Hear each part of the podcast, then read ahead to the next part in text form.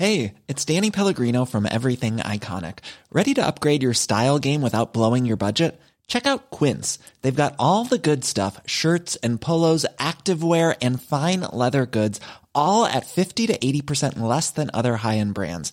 And the best part? They're all about safe, ethical, and responsible manufacturing. Get that luxury vibe without the luxury price tag. Hit up quince.com slash upgrade for free shipping and 365 day returns on your next order. That's quince.com slash upgrade. Since 2013, Bombas has donated over 100 million socks, underwear, and t shirts to those facing homelessness. If we counted those on air, this ad would last over 1,157 days. But if we counted the time it takes to make a donation possible, it would take just a few clicks. Because every time you make a purchase, Bombas donates an item to someone who needs it. Go to bombas.com slash ACAST and use code ACAST for 20% off your first purchase. That's bombas.com slash ACAST, code ACAST. Hi, I'm Daniel, founder of Pretty Litter. Did you know cats tend to hide symptoms of sickness and pain? I learned this the hard way after losing my cat, Gingy. So I created Pretty Litter, a health monitoring litter that helps detect early signs of illness by changing colors, saving you money and potentially your cat's life. Pretty Litter is veterinarian developed, and it's the easiest way to keep tabs on your fur baby's health right at home. Go to prettylitter.com and use code ACAST for 20% off your first order and a free cat toy. Terms and conditions apply. See site for details. Dette er en podkast fra Liverpool supporterklubb Norge.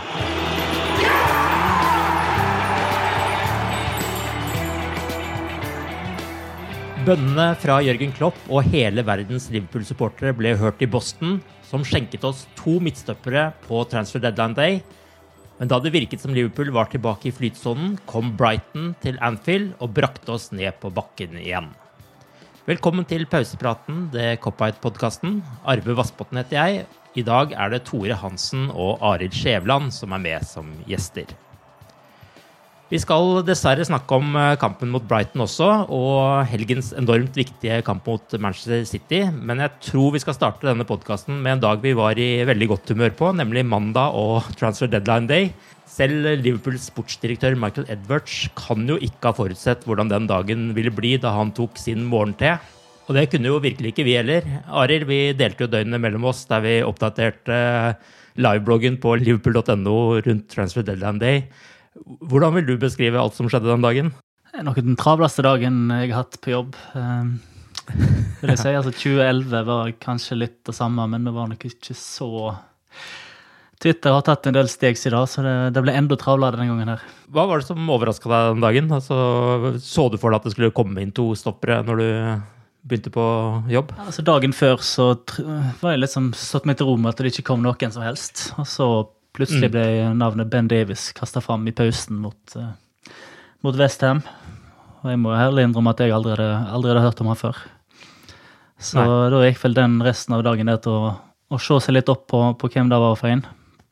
Og når han kunne legge seg på søndagen, så var han vel ganske trygg på at eh, det kom i hvert fall én. Men så eh, var det noen aviser som meldte at det ble, det ble nok to. Og da tenkte du litt med en gang at her er det mer alvorlig enn en vi kanskje har uh, først fått inntrykk av med, med, med, Matip. da. Men det fortsatte jo videre òg dagen etterpå. med Plutselig så var det en, en stopper fra Marseille som het uh, Duye Tsar, som jeg heller aldri har hørt om, må jeg innrømme. Som visstnok sto klar med privatjetten for å fly, men uh, Marseille ville ikke slippe han fordi de ikke fant en, en erstatter i tide. Så var det et navn som vi har uh, faktisk hørt en del om og, og sett oss litt opp på, med Osan Kabak fra, fra Schalke. Mm. Og han ble jo linka allerede i, i september, da. Uh, jeg husker det var samme helg, og faktisk samme dag som som Shota ble bekrefta, så meldte Transfermarkt at eh, Leopold ser òg på en midtstopper som spiller på Schalke og skal spille nå. Og så tapte de 7-0 eller 8-0 mot Bayern München samme kveld. Men eh, ja, de har jo tapt hver eneste kamp omtrent Schalke, så han har liksom lagt det litt fra seg. Men eh, det var jo tydelig at det var en de har hatt på blokka lenge. da, da.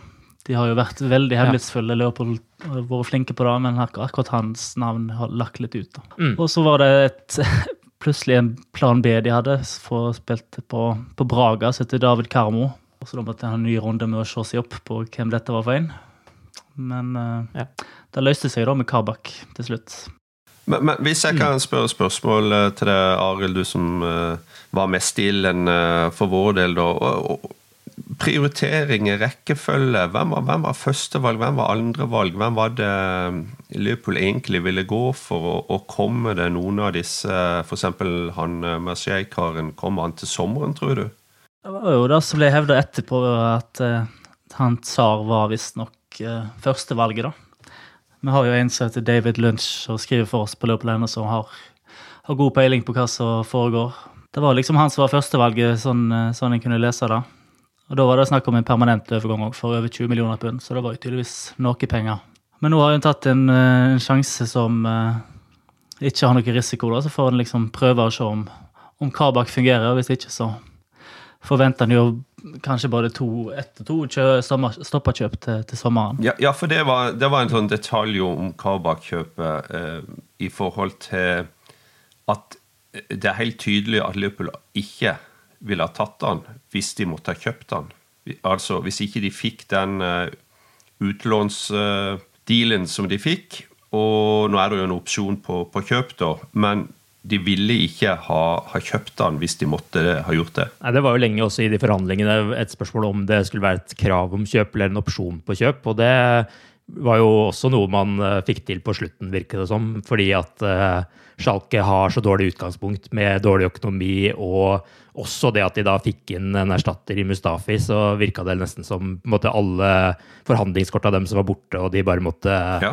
ta den avtalen, slik slik jeg leste det iallfall. Og så er det også litt sånn interessant i forhold til Kabak, akkurat det der nettverket rundt Klopp. David Wagner, som jo var innom en kort periode i Schalke og har snakka varmt om eh, Kabak. Christian Heidel, som jo hadde en sånn sportsdirektørstilling når Klopp var i Mainz, eh, var jo også innom eh, Schalke. Svein Misling tatt i tillegg, som var i som jobba med overganger under Klopp i Dortmund, og som fikk sparken i Arsenal. Han, han snakka veldig varmt om hvordan han hadde vært i Stuttgart.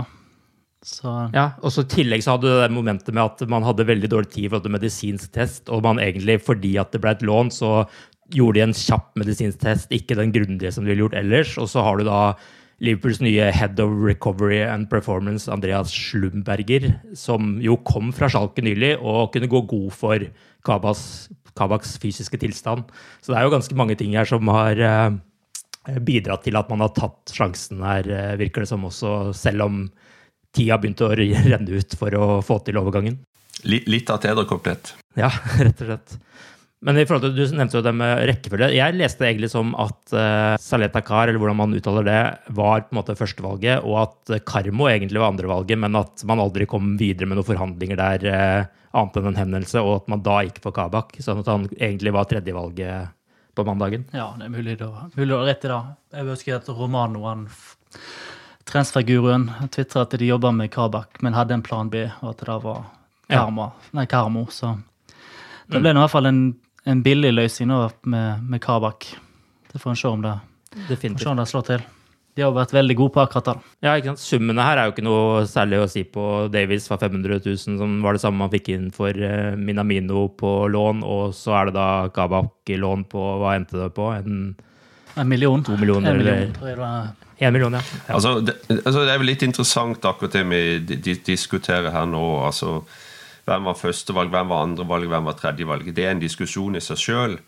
Men det som er det store bildet her, er jo at dagen etter Tottenham borte, når vi mister to midtstoppere eh, En ordentlig midtstopper, Mati, på vikaren eh, Fabinho.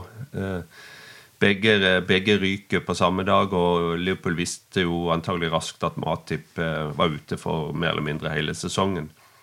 Da ble det trykt inn en knapp. For jeg tror at kanskje hadde Davies kommet, men jeg tror ikke Kabak hadde kommet. Eller en annen. Jeg tror ikke det kommer to stoppere for å si det sånn, i det vinduet. Hvis, hvis, eh, hvis de to ikke hadde blitt skada. Men når den knappen blir trykt inn, når eh, Boston gir toms up, så har de spillere som de tydeligvis har fulgt både i ett, to og tre år, eh, som eh, ja, de har fulgt tett via, ofte via andre kontakter, via tidligere forbindelser og tidligere assistent, sånn som Wagner. Og, mm. og da, da, er de der. Og det er litt deilig. For ofte når en kjøper på siste dagen før vinduet stenges, så tenker en panikk. Panikkjøp. Men mm. bortsett fra at det var en jobb mot klokka for å få alt papirarbeidet, alt det formelle, legetest, sjekk og alt det i orden, så var det ingenting panikk forbundet med det. Men det var den avgjørelsen som ble tatt kanskje torsdagen i forkant, før helga. At her må vi gjøre noe, her må vi handle, når vi mister to mann til der. Og så utløser det alt det som vi egentlig snakker om nå. En kunne liksom merke det på Klopp, på humøret hans på fredag og på pressekonferansen, at, at, her var det litt mer optimisme på å få til noe enn det det hadde vært tidligere. Ja, definitivt. Men vi har jo mye snakka mye om dette med midtstoppere da, i podkasten her, og om det skulle komme noen, og hva slags type det eventuelt skulle bli. Og så ender vi da opp med to spillere som både er relativt unge, eh, 20 og 25 år, da, så det er jo godt spenn der, men, men også har godt med erfaring, begge to. Og så er det da to spillere med liten risiko knyttet til seg, og to spillere som da har utviklingspotensial. Og så er det jo vinn-vinn-prosjekter både for klubben og spilleren selv, sånn i utgangspunktet. Men det store spørsmålet er jo selvsagt er de gode nok til å fylle de enorme hullene som van Dijk og Gomez og Matip har etterlatt seg i Liverpools midtforsvar? Eller hva slags funksjon vil de få? Tore, hva tenker du om om de kjøpene vi har fått sånn sett. Det er jo akkurat det som er spennende nå, å se hva vi har fått. altså, for å si det veldig enkelt, så følte jeg nesten det var litt sånn du, du, du kommer hjem fra, fra, fra kjøpesenteret med en pose med ting, forskjellige plagg du har eh, fått på salg, da. Og, eh, så er du litt usikre på eh, kanskje ett eller to av de plaggene, og så drar du dem fram, og så prøver du, så finner du ut, og så er det noe som treffer, og noe som ikke treffer. Og jeg blir ikke helt overraska om det er litt sånn eh, her òg. Altså van Dijk, Matip, Matip på sitt beste, og da snakker du om to av Europas desidert beste midtstoppere. Matip kanskje verdens beste midtstopper. Så det er klart at det nivået der Ja, van Dijk verdens beste. Ja, ja, van Dijk, ja, van Dijk, ja sorry. Eh, og, og, og, det nivået der er jo nesten umulig å komme opp på. Men det er klart det er, det er masse punkter her som også er viktig. For det første så, så satt vi jo egentlig ikke igjen med noe etter de siste to røyk ut. Vi måtte ha inn folk, vi måtte ha inn nye hoder. Og det er det som er veldig positivt. At det er kommet inn antagelig to, to som, kan, eh, som, kan, spille der, iallfall. Og, og, og gjøre det kanskje til og med mer enn brukbart. For de, de må få tid, de òg. Du, du, kan egentlig ikke forvente de skal komme inn og så være glitrende. Men en kan jo håpe på det. Og det er jo det som er litt det uforløste her, da. Hva er det egentlig vi har Kloppe kommet hjem med i den eh, bæreposen? Og 20 år eh, unggutt, egentlig, fra, fra, Bundesliga. Spilt for et lag som har tatt 13 av 19 eh, kamper. Har vunnet bare én kamp denne sesongen. Sluppet inn masse mål. Eh, steg opp Premier League, en av verdens største klubber, skal gå inn og erstatte en av to av verdens beste spillere på den posisjonen. Det er ikke enkelt. Så jeg er veldig spent. Uh, og, så har du Davy, som kanskje blir sammenligna med litt sånn Klavan kjøpt og en, en sånn trygg, sikker uh, stopper som uh, Han blir vel 26 i august, så Men kanskje med en liten Rolls-Royce i seg, muligens, i forhold til, til Klavan. så jeg, jeg, jeg, jeg veldig veldig spent på hva, hva, hva, vi har fått til. Men akkurat her og nå, og det som jeg tenkte på, på utover mandagen, når du så bildet hva, hvordan dette antagelig kommer til å ende, det er rett og slett at vi har fått inn to hoder som kan spille midtstopper for oss. Og så eh, hva skal jeg si, ille har det vært denne sesongen at på ett vis så har det vært det viktigste. Nå er vi jo selvfølgelig over i en ny fase med å få sett dem i den røde trøya, og det gleder jeg meg til. Ja, det er Kjøpet av Ben Davies er jo litt sånn old school. Å bare hente en spiller som nesten ingen har fått med seg fra, fra nede i divisjonen og plassere han inn på Liverpool. Det er jo litt sånn spennende i seg selv. Eh, nå fikk vi jo ikke sett noen av dem i aksjon mot uh, Brighton, men hva slags bilde har du danna deg av disse stopperne vi har fått, Arild, ut fra det du har lest og sett og hørt? Ja, nå har vi i supporterklubben fått et, et analyseverktøy som heter Instat, som vi får tilgang mm. på på en del klipp har egentlig alle involveringer disse spillerne har i, i alle kamper, da, som har fått sett oss litt opp på, på hvordan de er. Um, mm. Men det, nivået er jo litt annet både med medspillere og, og motspillere og championship. Det er liksom ikke helt sammenlignbart på, på den måten, men det ser ut som en altså Ben Davies ser ut som en spiller som, som leser spillet bra og uh, har ro med ballen. Um, mm. Han har òg uh, tydeligvis en fin venstrefot, så OK med fart. Um, jeg vil ikke tro at vi, vi, får se de to sammen som et stopperpar på, på en stund. Så jeg tror jeg vel at både Fabinho og Henderson skal være med og, og guide de gjennom litt uh, i starten, men uh, bare da å på sikt vite at du kan bruke Fabinho og Henderson på midten igjen, vil jo gi Liverpool et helt annet trykk offensivt. og og en helt annen trygghet mm. sånn. Um, det som var kjekt med dette, disse to kjøpene, er at de har jo spilt hver eneste uke. Så det blir linka til sånne spillere som uh, Militao i Real Madrid og um, Sokrates i Arsenal, sånn, som ikke har spilt fotball på, på mange måneder. Så ville det trengt sikkert en måned for å, for å bli up to speed, på en måte. da var det veldig mm. greit at de har kjøpt to spillere som spiller hver eneste uke, så sånn sett kan kastes litt inn i det. da. Mm. Kabak har vi jo sett en god del mer av, da, eh, siden han ble linka såpass tidlig. Jeg ser at han er blitt linka, nei, sammenligna en del med, med Lovren. Det er jo på både, godt, på både godt og vondt, men eh, når du ser han, kan du liksom skjønne hvorfor. At han er, han er veldig frampå, på en måte. At han, han, stuper litt inn og forsvarer seg på den måten der, heller enn å, enn å avvente, sånn som kanskje Davis og van Dijk og sånn er litt, eh, litt kjent for. Han ser ut som han er bra med fart. og Han sier sjøl at han er veldig god på HV og planer om å skåre en del mål. så Selv om han ikke er så stor, han er vel i 86 eller noe sånt, så skal han være bra på HV òg. Så, så vi får, må få orden på sjøltilliten etter å ha tapt eh, alle kamper i tre år. Så får vi se. Ja, Han beskriver det som et supertalent, eh, den 20-åringen. Han har jo mye erfaring, i fall, selv om han da har det for litt sånn eh, klubber som har slitt, så kan det jo Det blir jo en ganske annen hverdag å komme til en lag som Liverpool, som iallfall sånn stort sett ikke sliter uh, så mye. Uh, hvem av disse har du mest troa på at skal komme fort inn i laget, Tore? Um, kommer, vel kanskje litt an på kampmotstand og, og hvem andre skal spille i midten, der muligens så litt. Men jeg bare når jeg, har sett på, på Karbak, så, så minner meg litt om en, eh, en, en sånn eh, Anshore-type. Som eh, er litt sånn busy, aktiv, flink til å dekke rom. Og kommer veldig ofte helt på slutten med en takling eller en lang tå og, og klarere og, og, og rydde opp, liksom. Eh, men han har, mye mer fotballisse. Han er mye mer sikker med ballen og eh, bedre teknisk, tror jeg. Og eh, han skal òg være god på hodet, eller er god på hodet, som Arild sier.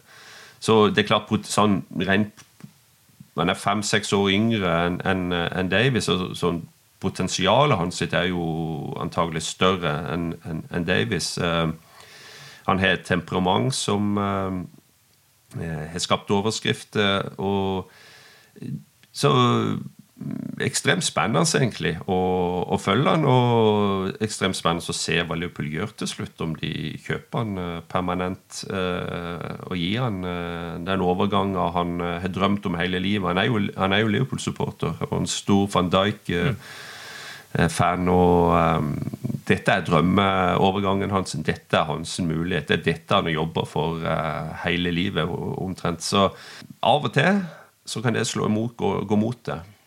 Uh, det blir en litt sånn overtenning, og, og, at du skal på en måte nesten overprestere istedenfor å, og tenke at nå skal du egentlig bare gjøre en jobb og lære mest mulig. Så jeg er litt spent eh, på, på han også når han egentlig er som person. Davy skal være en veldig sånn eh, jordnær, eh, fin fyr, jeg har hørt. Eh, får mye skryt av alle rundt ham både når det gjelder innstilling og og eh, ja, måten han opptrer på banen har nå, har òg mye på en måte fotball i seg. Ikke bare en stopper som står og klarerer. Så kanskje er det han som overrasker. Hvem vet? Da skal vi gå til noe mindre hyggelig. Onsdag var det kamp mot Brighton, og i timene før avspark så begynte det å komme sånne skumle rykter om at Alison var skadet. Det viste seg heldigvis å ikke stemme, men pga. sykdom, som da heller ikke var korona, så sto han over kampen, og Kelleher var tilbake mellom stengene. Ifølge Andrew Beasley på Twitter så er dette sjette gangen denne sesongen at Liverpool har minst åtte spillere som ikke er tilgjengelige i kamp.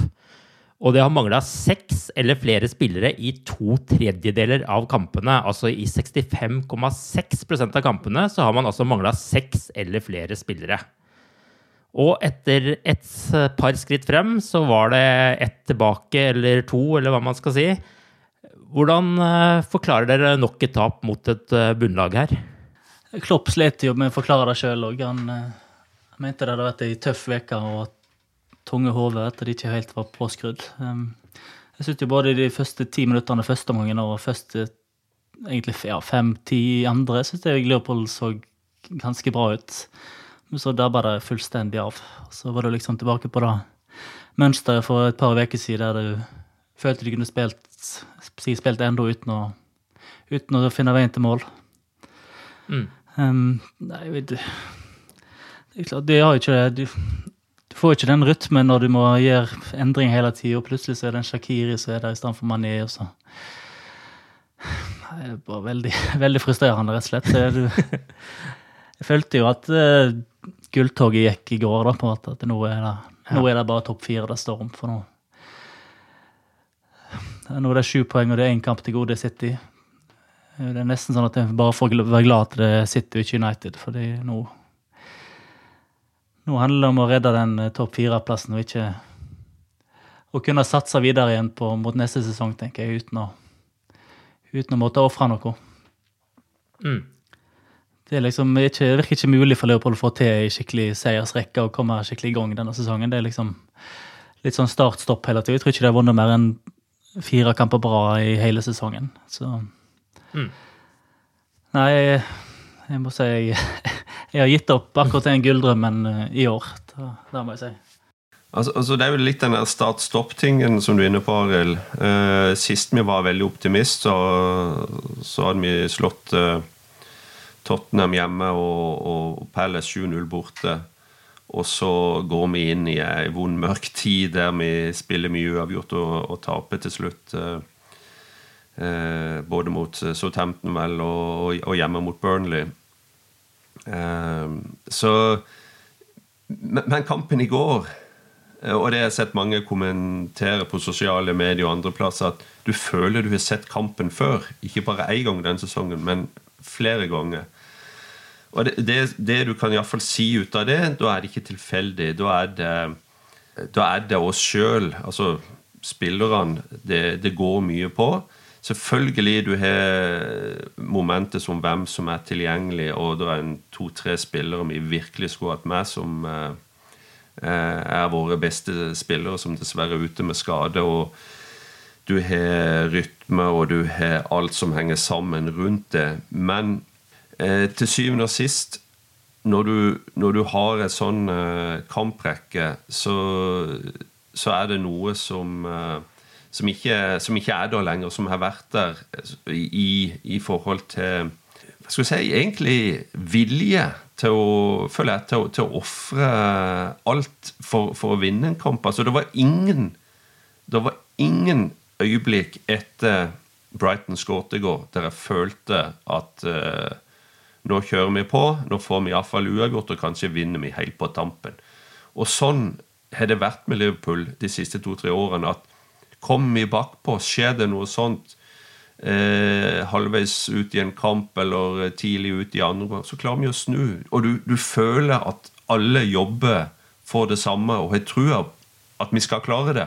Men det er ingenting sånt lenger med, med, rundt laget, med mannskapet. Det er ikke noe gnist. Du ser det ikke. Du ser det, så det er kroppsspråket, du ser det i øynene på dem.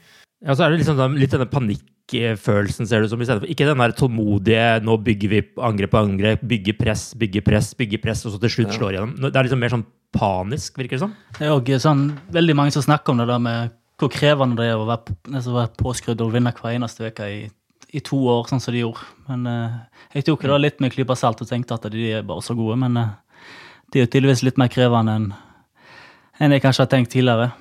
Og så er det dette med, i tillegg at uh, motstanderne ser ut som at de, de møter Leopold og tror de kan få noe. Sånn, for de to siste årene så er det at uh, du har på en måte en 1-0-ledelse når kampen starter.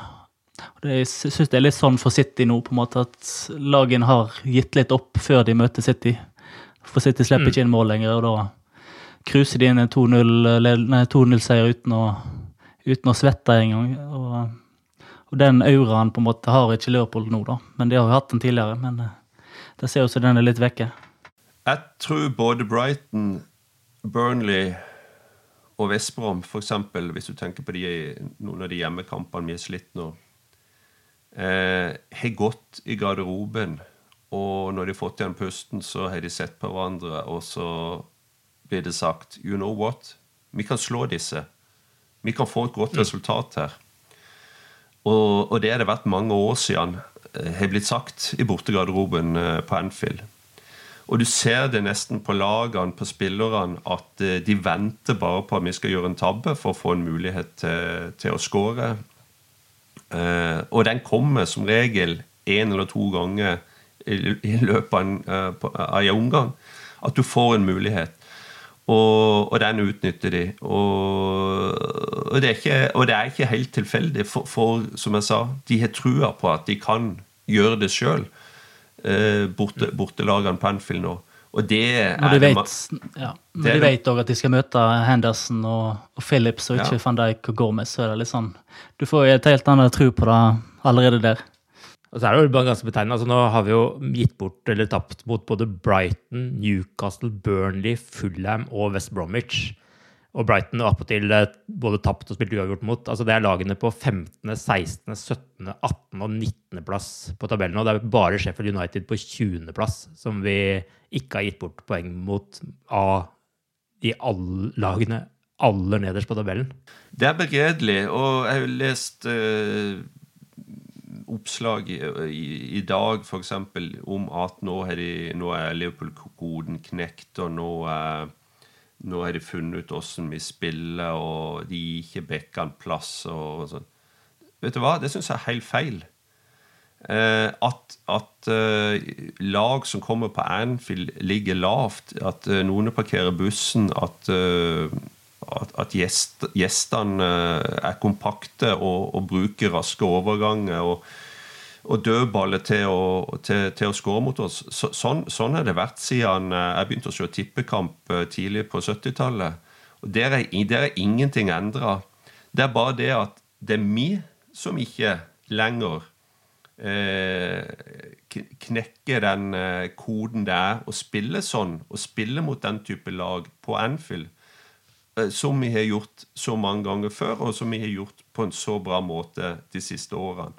Så jeg syns faktisk det er motsatt av det som blir hevda, at, at Liverpool-koden er knekt. For det er oss sjøl det går på.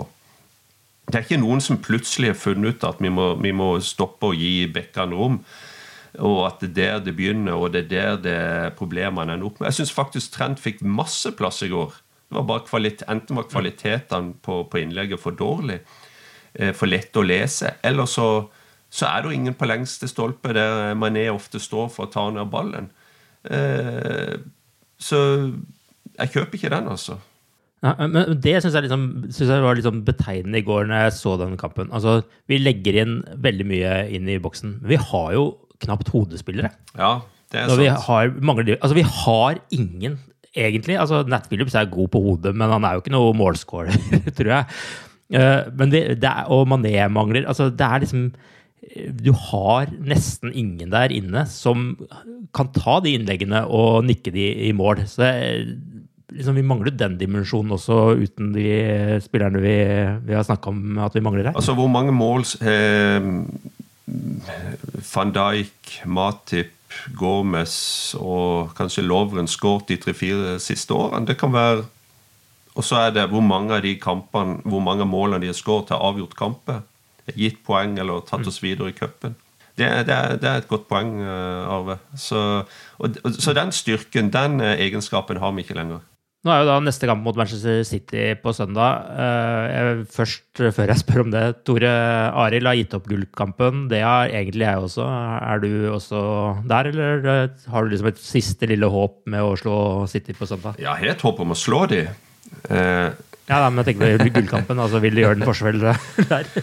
uh, det, det, det, blir, det, blir, litt sånn at fokuset er ikke der om vi skal vinne ligatittelen lenger. Eh, det, er, på en måte å bare slå mest mulig lag. Altså, selvfølgelig det er alltid et håp. Jeg har ikke gitt opp 100 Vi er bare litt over halvspilt sesong her. Men det er uh, måten laget spiller på nå, det er kamprekka vi har bak oss, som egentlig gjør bare at realistisk sett så skal det ikke skje, samtidig som at uh, City er skrudd, skrudd på turboen og vinner hver eneste kamp de spiller nå, virker det som. Bortsett fra, fra søndag, mm. forhåpentligvis. Men uh, ja, det er vel litt sånn uh, der jeg ligger, altså. Ok, City-kampen, da. Hva tenker du om den nå? Hvordan skal Liverpool slå tilbake her? Nei, det er litt rart å være etter å være negativ i en halvtime. Så akkurat den enkelt, enkeltkampen der så er jeg egentlig optimist. Um, ja. Nå er det to lag som aldri vinner på Anfield, som har vunnet bra, men uh, City er et treet som som virker å ha en litt sånn mental stopp akkurat når de kommer til, til Anfield. Det vil uh, ikke si Anelka skårte to, at de har vunnet det. Så fremfor, Hadde det vært framfor fulle tribuner, så hadde jeg vært helt sikker på at de skulle vinne. Men eh, jeg, eh, jeg, er optimist før denne her.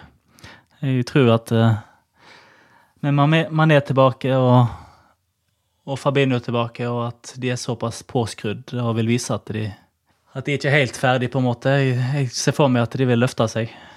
Tror dere Kabak f.eks. kommer inn i den kampen? Vanskelig å si. Eh, kanskje ikke. Eh, han er nok på benken, muligens. Men litt usikker om det er kampen å gi en, en debut til en, enten en rookie unggutt fra Bundesliga eller en championship-spiller som skal ta et nivå opp i Davis, men hvem, hvem, vet hvordan det blir med skade, da? ja, så, så, men skjer det ikke noe skade, skjer det ikke noe um, u... Ja, noe sånt som ikke du ser komme, så, så tror jeg ikke vi får sett det i den, akkurat den kampen der. Men på et eller annet tidspunkt så må, uh, så må de ha aksjon. Og det blir litt spennende å se hva han gjør, da. Men uh, jeg tror, jeg tror, ikke det skjer noe der før Fabinho er tilbake. Og jeg tror han blir sjefen der uh, ut sesongen. Og så blir det da forskjellige folk, da. Forskjellige spillere som uh, vil uh, bli makker til han uh, framover.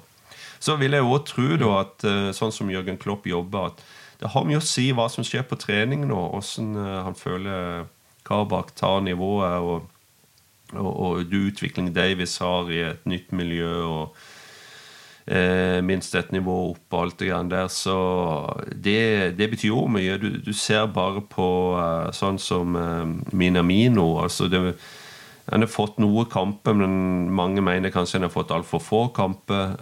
Men for meg så tror jeg det har mye å si på åssen Klopp opplever helheten og med eh, som sagt, det, det han leverer på, på treningsfeltet og, og, i forhold til den fotballen Klopp ønsker å spille, som, som er vårt stang ut for han. Jeg håper vi får se en av de, det må jeg si. Jeg, jeg håper vi får Henderson på midten igjen, for jeg syns uh, både Milner ja. og Wijnaldum var såpass svake i går at, uh, at jeg håper en tar en sjanse. Det er vel kanskje Davis som er lengst fram i køen, som har trent uh, trent litt lenger med de og allerede vært på benken. Um, at de mm. kan slippe løs Henderson igjen høyere oppe. Det, det håper jeg. Men eh, altså, sånn, i går så spilte jo Shakiri fra start, eh, man, åpenbart fordi Mané var borte. Og så håper vi selvsagt at Mané skal komme tilbake igjen, men vi ser jo at også de foran eh, må stå over noen kamper. Hva tenker dere da om det utlånet av Minamino til Southampton, når dere ser alternativene her med Shakiri og Origi? Var det smart? Jeg var veldig positiv til det fram til i går. Eh, Jeg tenkte, jeg tenkte det ga veldig mening. Eh, Men ja. nei, jeg vet ikke hvor mye jeg skal legge i den kampen i går. Eh, Det var, det var såpass elendig egentlig fra Shakiri. og Nå var jo Origi han var ikke inne lenge, men han rakk jo likevel å, å markere seg veldig negativt. Nei, eh, Minamino han eh, det gir jo veldig mening på mange måter at han får en sjanse den der. Men eh, sånn som i går, så eh, kunne jeg tenkt meg å sett egentlig han på banen heller enn enn et par andre. For, for meg virker det som at uh, Klopp har tatt et valg der, og at det er derfor uh, Origi har starta noen kamper og, og kom inn uh, i går, da. Og det tok vel fem minutter før han var, var borte i ballen, tror jeg faktisk. Men, men nei, personlig så skjønner jeg ikke helt den, altså. Det eh, eh, Ok, vi har mange midt, midtbanefolk eh, å velge mellom, men vi har veldig få som er i form. Jeg sier ikke det at min, Minamino er i form, men en litt annen, annen type, føler jeg. Og Ox trenger alltid masse tid for å spille seg inn, og han er fortsatt der at det ikke er løsna ennå. Så det er liksom ingenting å hente fra benken, bortsett fra Jones. Og han kommer inn sist av de tre. Det skjønte jeg heller ikke. Men nå er det jo håp om at Shota skal være klar til, til Leicester-kampen. Selv om at Klopp eh, var litt vag i går, så er det det som har blitt sagt hele tida. Så da, da vil jo gi alt et løft, på en måte, tenker jeg. At en får et, et Ja. sånt alternativ, enten fra benk eller start. Ja, Det er virkelig noe jeg gleder meg til, å se han i aksjon igjen. Men, uh, fordi det er jo litt sånn som i tidligere tider hvor man har hatt mye skader, så har vi jo faktisk hatt litt flaks med at vi har hatt spillere på benken som har levert og vært i form. altså sånn uh, Ox har jo vært der for et par sesonger siden. Uh, Shakiri har jo kommet inn og gjort ting nå og da. Og for så vidt ikke vært sånn helt borte et par kamper nå heller. Men, men det er jo liksom som du sier, Tore, at vi, vi har få spillere tilgjengelig, og de få vi har, de er ikke i form. Origi, ikke minst. Altså, han har jo levert eh, også i eh, 2019 eh, på slutten av sesongen der, men, men nå er han jo ikke i nærheten av å levere noen ting som helst, i min bok iallfall. Altså, det er selvfølgelig to helt forskjellige ting å komme inn enten som unggutt, eh, sånn som Jones gjorde forrige sesong f.eks., på et velfungerende lag som vinner kamp etter kamp etter kamp etter kamp. Og, og som har den eh, Altså, du føler det er energi som uh, lyser ut av øynene på alle rundt deg, og du vil bare være en del av det, enn å komme inn nå hvor vi eh, er på hælene hele tida. Spillet fungerer ikke, formasjonene stemmer ikke, balansen er ikke rett. Li- Litt, litt vanskelig av og til å, å, å, å vurdere akkurat eh, det greiene der, for det har en del med åssen eh, lag du faktisk kommer inn på, da. Men det er, det er jo iallfall helt eh, lett å se at verken Altså de to første spillerne som kom inn i går, de, de er ikke formspillere. Det, det visste en allerede når de kom inn. Du satt bare og håpte. Håpte kanskje på et skudd fra Ox fra, fra avstand, eller en, dypt løp, eller et eller annet sånt. Men eh, Jones er den som er vist mest den sesongen, syns jeg. Og det eh, overrasker meg. Nå banker det på døra hos meg, så jeg må ut et par minutter. Litt uprofesjonelt, men jeg det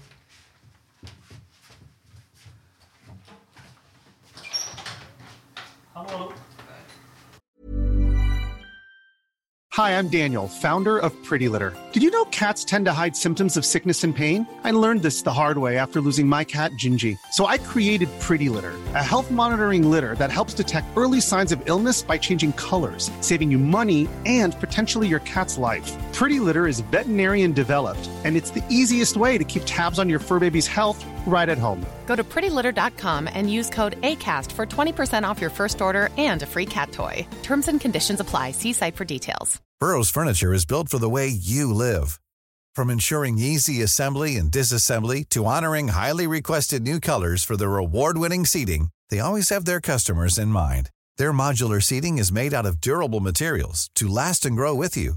And with Burrow, you always get fast, free shipping. Get up to 60% off during Burrow's Memorial Day sale at burrow.com slash ACAST. That's burrow.com slash ACAST. burrow.com slash ACAST. Wow. Nice. Yeah. What you're hearing are the sounds of people everywhere putting on Bombas socks, underwear, and t-shirts made from absurdly soft materials that feel like plush clouds. Yeah, that plush. And the best part? For every item you purchase, Bombas donates another to someone facing homelessness. Bombas. Big comfort for everyone. Go to bombas.com slash ACAST and use code ACAST for 20% off your first purchase. That's bombas.com slash ACAST. Code ACAST. Planning for your next trip? Elevate your travel style with Quince. Quince has all the jet setting essentials you'll want for your next getaway, like European linen, premium luggage options, buttery soft Italian leather bags, and so much more. And is all priced at 50 to 80% less than similar brands. Plus, Quince only works with factories that use safe and ethical manufacturing practices. Pack your bags with high-quality essentials you'll be wearing for vacations to come with Quince. Go to quince.com slash pack for free shipping and 365-day returns. Millions of people have lost weight with personalized plans from Noom, like Evan, who can't stand salads and still lost 50 pounds. Salads generally for most people are the easy button, right? For me, that wasn't an option. I never really was a salad guy. That's just not who I am. But Noom worked for me. Get your personalized plan today at Noom.com. Real Noom user compensated to provide their story. In four weeks, the typical Noom user can expect to lose one to two pounds per week. Individual results may vary.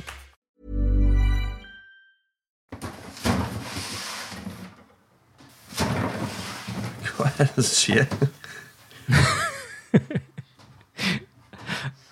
Hallo.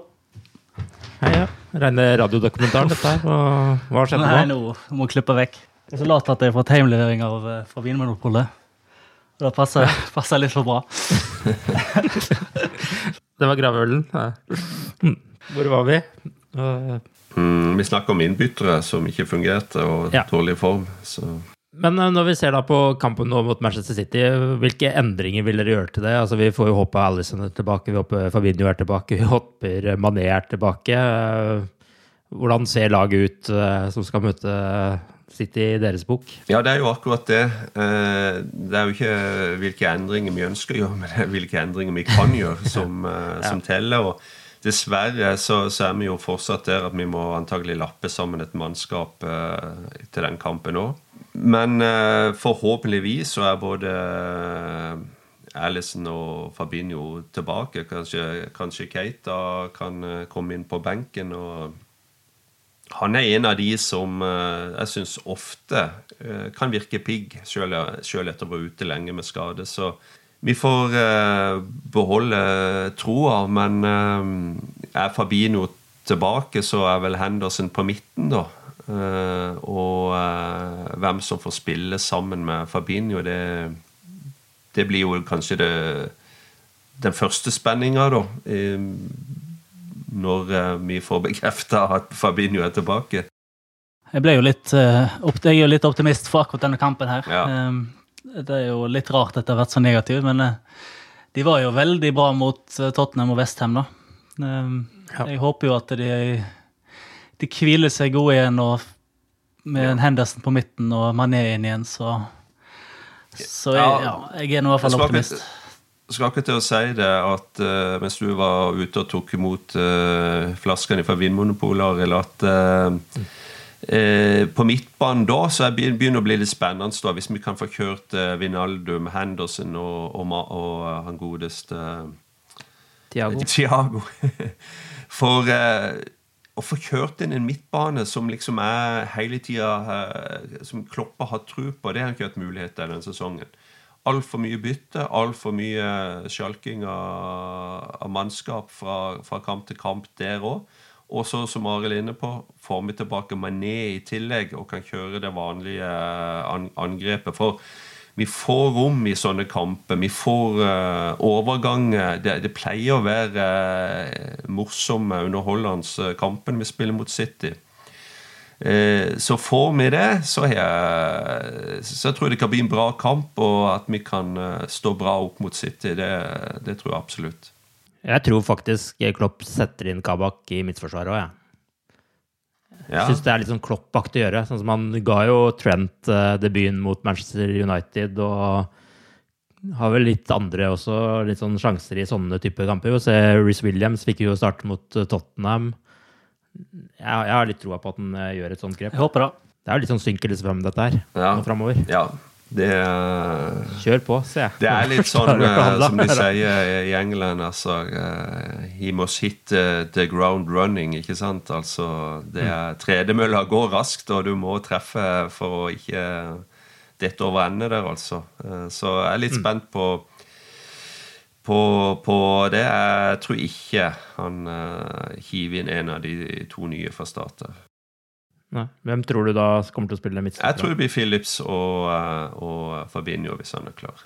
Hvis ikke, så Henderson og Phillips. Jeg tror det er en, altså det er, det er pluss og minus her, men jeg tror det er en kamp Ingen selvfølgelig vil tape, men det er veldig viktig å ikke tape mot akkurat City. Og, altså hvis de vinner hengekampen, hvis de vinner mot oss, så kan det plutselig være 13 poeng opp. ikke sant?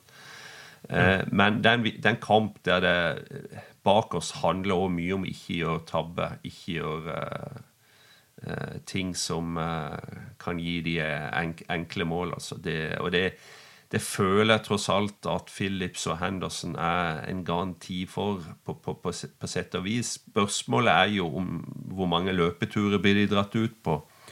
Eh, hvor, Tåler Phillips det? Eh, hvor, hvor god må du være i beina i den, den kampen? Han har styrka en andreplass. Så selvfølgelig er masse underpunkter her òg, men eh, jeg har en mistanke om at det blir eh, Phillips sammen med en av de to eh, andre vikarene på, på, på stoppeplass.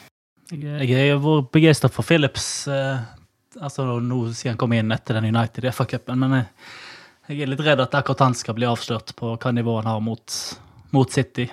Eh, derfor Mm. håper jeg veldig at vi får se eh, en av de nye, må jeg, må jeg innrømme. Ja, jeg, jeg tenker også sånn, Det å bli kasta inn i en sånn kamp er litt sånn Da vet man at man møter toppmotstand, og at det kan gå gærent. Og man på måte kan på en viss grad tilgi det hvis det, det gjør det. Mens hvis du blir kasta inn mot Brighton, f.eks., så er det vanskeligere å tilgi en tabbe. Slik ser jeg på det, egentlig. at det, Presset vil jo selvsagt være større, men samtidig på en annen måte mer tilgivende hvis det går gærent i en sånn type kamp. Men uh, vi får se hva som uh, blir resultatet. Um, Liverpools Champions League-tropp eh, er jo klar nå, og det er funnet plass til både Gomez og van Dijk i den, selv om eh, det vel må mirakler til for at de skal komme tilbake denne sesongen. Matip er tatt ut av troppen eh, fordi han skal opereres, og det er klart at han først er tilbake til preseason. Var det noen overraskelser i denne troppen i det hele tatt som eh, dere fikk med dere? Nei, det var vel egentlig ikke det. Han sa det vel òg dagen før at, eh, at van Dijk kom til å være med, men eh, en skulle ikke legge noe i det. Jeg hadde kanskje lagt en del i det hvis eh, han ikke hadde sagt det, men, men Det virker som jeg bare skal glemme van Dijk og gå med, så bare hvis det, hvis det skjer, så er det et mirakel. Men jeg skulle ønske de slutta å legge ut disse videoene av, hvor, av utviklinga, hvis det var hvis det var null sjanse, sånn som, sånn som det egentlig virker. Det er vel til EM, eh, ifølge det Boer, så er det EM, åpningskampen der, så er håpet om at han kanskje er tilbake, da. Både, både pluss og minus tenker jeg at han blir kasta rett inn i EM. Pluss-sida så kan du si at han får, han får, han får matching. Han får eh, spille toppkamp igjen og kan bruke EM til å spille seg i form i forhold til, til Liverpool. Samtidig så, så vil du gjerne ikke at han skal få noe etterdønninger etter å ha vært ute så lenge. da. Så pros and cons der òg. Men uh, hvis jeg leser stemningen her riktig, så er det jo Champions League uh, som vi skal virkelig uh, fortsatt holde håpet oppe om et, en tittel i denne sesongen. Leipzig er jo neste hinder på veien der, men pga. innreiseregler til Tyskland og diverse, så kan jo den kampen bli spilt på nøytral bane i utgangspunktet, den som da skulle blitt spilt i Tyskland. Men så har det også kommet fram eh, en mulig løsning om at uh, oppgjøret kan bli avgjort i en enkeltstående kamp på nøytral bane. Uh, hva tenker dere om alternativene her? Uh, er det en grei løsning? Hvorfor har det siste kommet opp, egentlig? Er det vanlig? Med å avgjøre alt i en, en enkeltstående kamp? Nei, ingenting er vanlig lenger, men de gjorde det jo i fjor. På, de ja. måtte gjøre det samme i fjor. Ja, ok, ja, på, på de siste Ja, ok, på mm. det hva skal jeg si, Champions League-sluttspillet. Men, men, er vi helt der? Er det realistisk? Ja, det er da noe med disse reglene i, i Tyskland. Um, men det er, de er jo bare noen få dager unna at de reglene blir endra. Ja, dagen etterpå så kommer det kanskje nye regler. Dagen etter kampen skal være spilt. Ja. Så, men det må bli avgjort på mandag. Førstkommende mandag, visstnok. Så en løsning er jo Vi får snart vite hva som skjer, men eh, jeg håper jo at det blir mm. to kamper, må jeg, må jeg innrømme. Ja, det jeg håper jeg òg. For jeg tenker jo at du sånn umiddelbart med, med borte hjemme-muligheten, og spesielt der vi står sportslig òg, så, så, så, kunne jeg godt tenkt meg to kamper både til å gjøre opp eventuelle feil i, i kamp nummer én, for vi møter ikke et dårlig lag. Vi møter andre lag i, i Bundesligaen som eh, er på en måte ja, gjort seg til, til andre lag i Bundesliga nå. Og uh, selv om de uh, er kanskje ikke i sin beste form, uh, de tapte et par kamper i det siste, så, så blir, det, det, blir det en tøff kamp. og jeg kunne godt tenkt å ha hatt den kampen på Anfield på slutten. altså. Og viser seg veldig bra mot engelsk motstand, så jeg, jeg frykter den, den motstanderen der. Og der eh, har vi jo et eh, moment som ikke vi har snakket om i dag, iallfall. Mangelen eh, på, på trøkk og stemning og publikum og eh, European Nights, eh, alt det greiene der. Det I noen kamper så, eh, så, føler jeg oppriktig at det har jobba litt imot oss, men jeg, vil, jeg, tror aldri jeg vil bruke det som et veldig sånn sterkt argument, for, for, for, her er det jo situasjonen egentlig i utgangspunktet lik for alle klubber, men har du et sånt entusiastisk hjemmepublikum som, som Liverpool har, og har du de tradisjonene og historien som, som, som Liverpool har, så det er jo ikke, det er jo ikke noe tvil om at det, at det påvirker. Man merka jo det på de kampene som ble spilt med bare 2000 tilskuere på tribunen, og det var jo et annet uh, trøkk og som spillerne også må ha merka der. Altså, jeg kan ikke skjønne noe annet. Ja, og så må du huske på det er helt random hvem som kom inn på de kampene. Uh, ja. Så mm, heller nokså random. Du må, du må, selvfølgelig ha sesongkort og litt sånt, men ja, det er jo mange titusenvis av folk som har sesongkort. Så der får vi eh, nok en, eh, en test på den. Vi, spesielt hvis vi trenger et eh, godt resultat. Hvis vi må snu en 0-1 eller verre, holdt på å si, så vil vi se hvor mye vi mister sammen med publikum. Yes, Vi får bare se hva som skjer framover med både Champions League og Premier League. Vi må jo holde håpet oppe her, selv om det virker vanskelig akkurat nå. og Det er jo ikke så mange uker siden vi også syntes det var tungt, og så snudde det litt igjen. Så det går opp og ned i fotballivet her. Søndag er det iallfall en ny sjanse mot Manchester City, en kamp som virkelig kan avgjøre Liverpools videre skjebne denne sesongen. Og med det så sier vi takk for nå, og vi er tilbake i neste uke med en ny podkast. Husk at dere også kan eh, følge med på vår daglige nyhetssending på podkast på hverdager, der vi oppsummerer det siste Liverpool-døgnet på fem minutter. Med det så sier vi ha det bra så lenge. Ha det bra. Ha det bra, Up to Reds.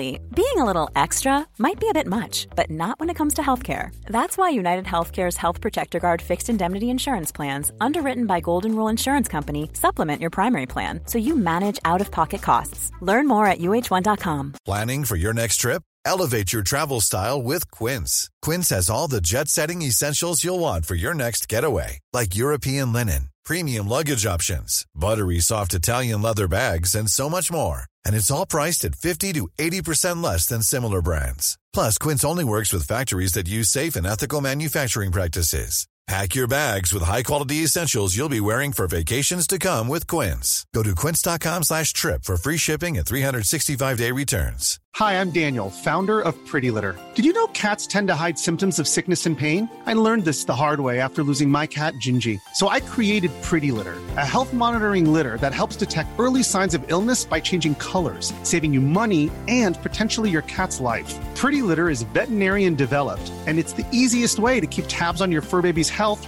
right at home. Go to prettylitter.com and use code ACAST for 20% off your first order and a free cat toy. Terms and conditions apply. See site for details.